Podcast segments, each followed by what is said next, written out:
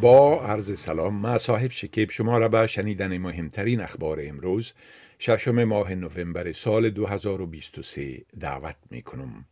سازمان های حقوق بشر فلسطینی برای دسترسی به سوابق صادرات سلاح و وسایل نظامی استرالیا به اسرائیل که از جانب وزیر دفاع ریچارد مالز اعطا شدهاند یک اقدام قانونی را راه اندازی کردند. این درخواست حقوقی از جانب نهادهای الحق مرکز حقوق بشر المیزان و مرکز حقوق بشر فلسطین به عمل آمده است. وزارت دفاع مدعی است که همه جوازهای صادرات وسایل و تسهیلات دفاعی به شمول آنهایی که استرالیا به اسرائیل تصویب کرده بر اساس رهنمودهای صادراتی سختگیرانه و شدید و تعهدات بین المللی ارزیابی شدهاند. مقامات نظامی اسرائیل می‌گویند که نیروهایشان اکنون شهر غزه را محاصره و این سرزمین فلسطینی را به دو قسمت تقسیم کردند.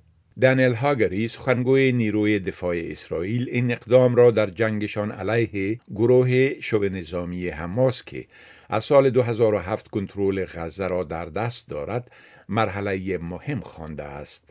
پلیس ایالت ویکتوریا شایعات مربوط به تأخیر در رسیدگی افسران به یک تصادف در دیزفورد را که با کشته شدن پنج نفر به شمول دو طفل منجر شد رد کرده است. مقامات پلیس در بیانیه گفتند که دو افسر بعد از ظهر یکشنبه پس از آن که یک موتر بی ام دبلیو در بیرون از میخانه دیلزفورد با مشتریان تصادم کرد تقریبا بلافاصله با پای پیاده به محل حادثه شتافتند.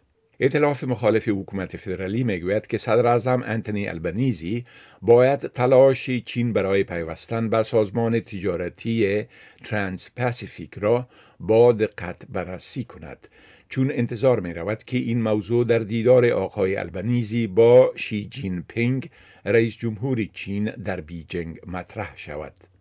صدر اعظم چین لی کیانگ در یک نمایشگاه بین المللی و وارداتی در شانگهای گفته است که چین قصد دارد تلاشش برای پیوستن به این سازمان و گشایش فرصتهای بیشتر در بازار کشورش را ادامه دهد.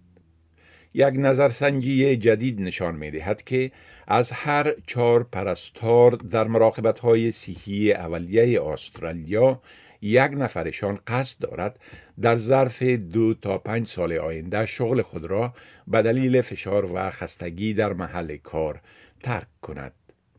کرن بوث رئیس انجمن پرستاران مراقبت های سیحی اولیه استرالیا که این سروی را با شرکت در حدود 4000 پرستار انجام داده می گوید که اثرات از دست رفتن این از کارمندان با تجربه در بخش های گوناگون صحت کشور برای مدت بسیار طولانی احساس خواهد شد.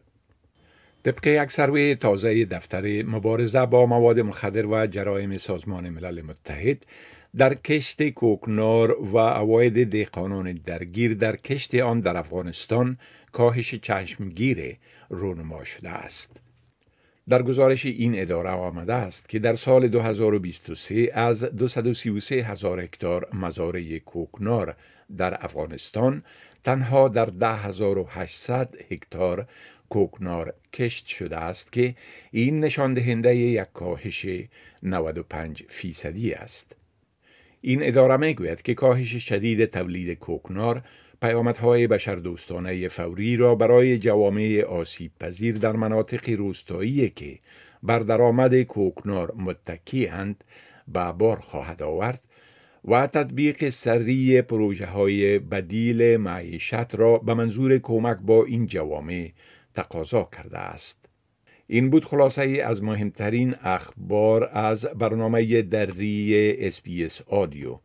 شما می توانید گزارش های بیشتر درباره موضوعات گوناگون را در وبسایت ما با آدرس sbs.com.au دری بشنوید و بخوانید.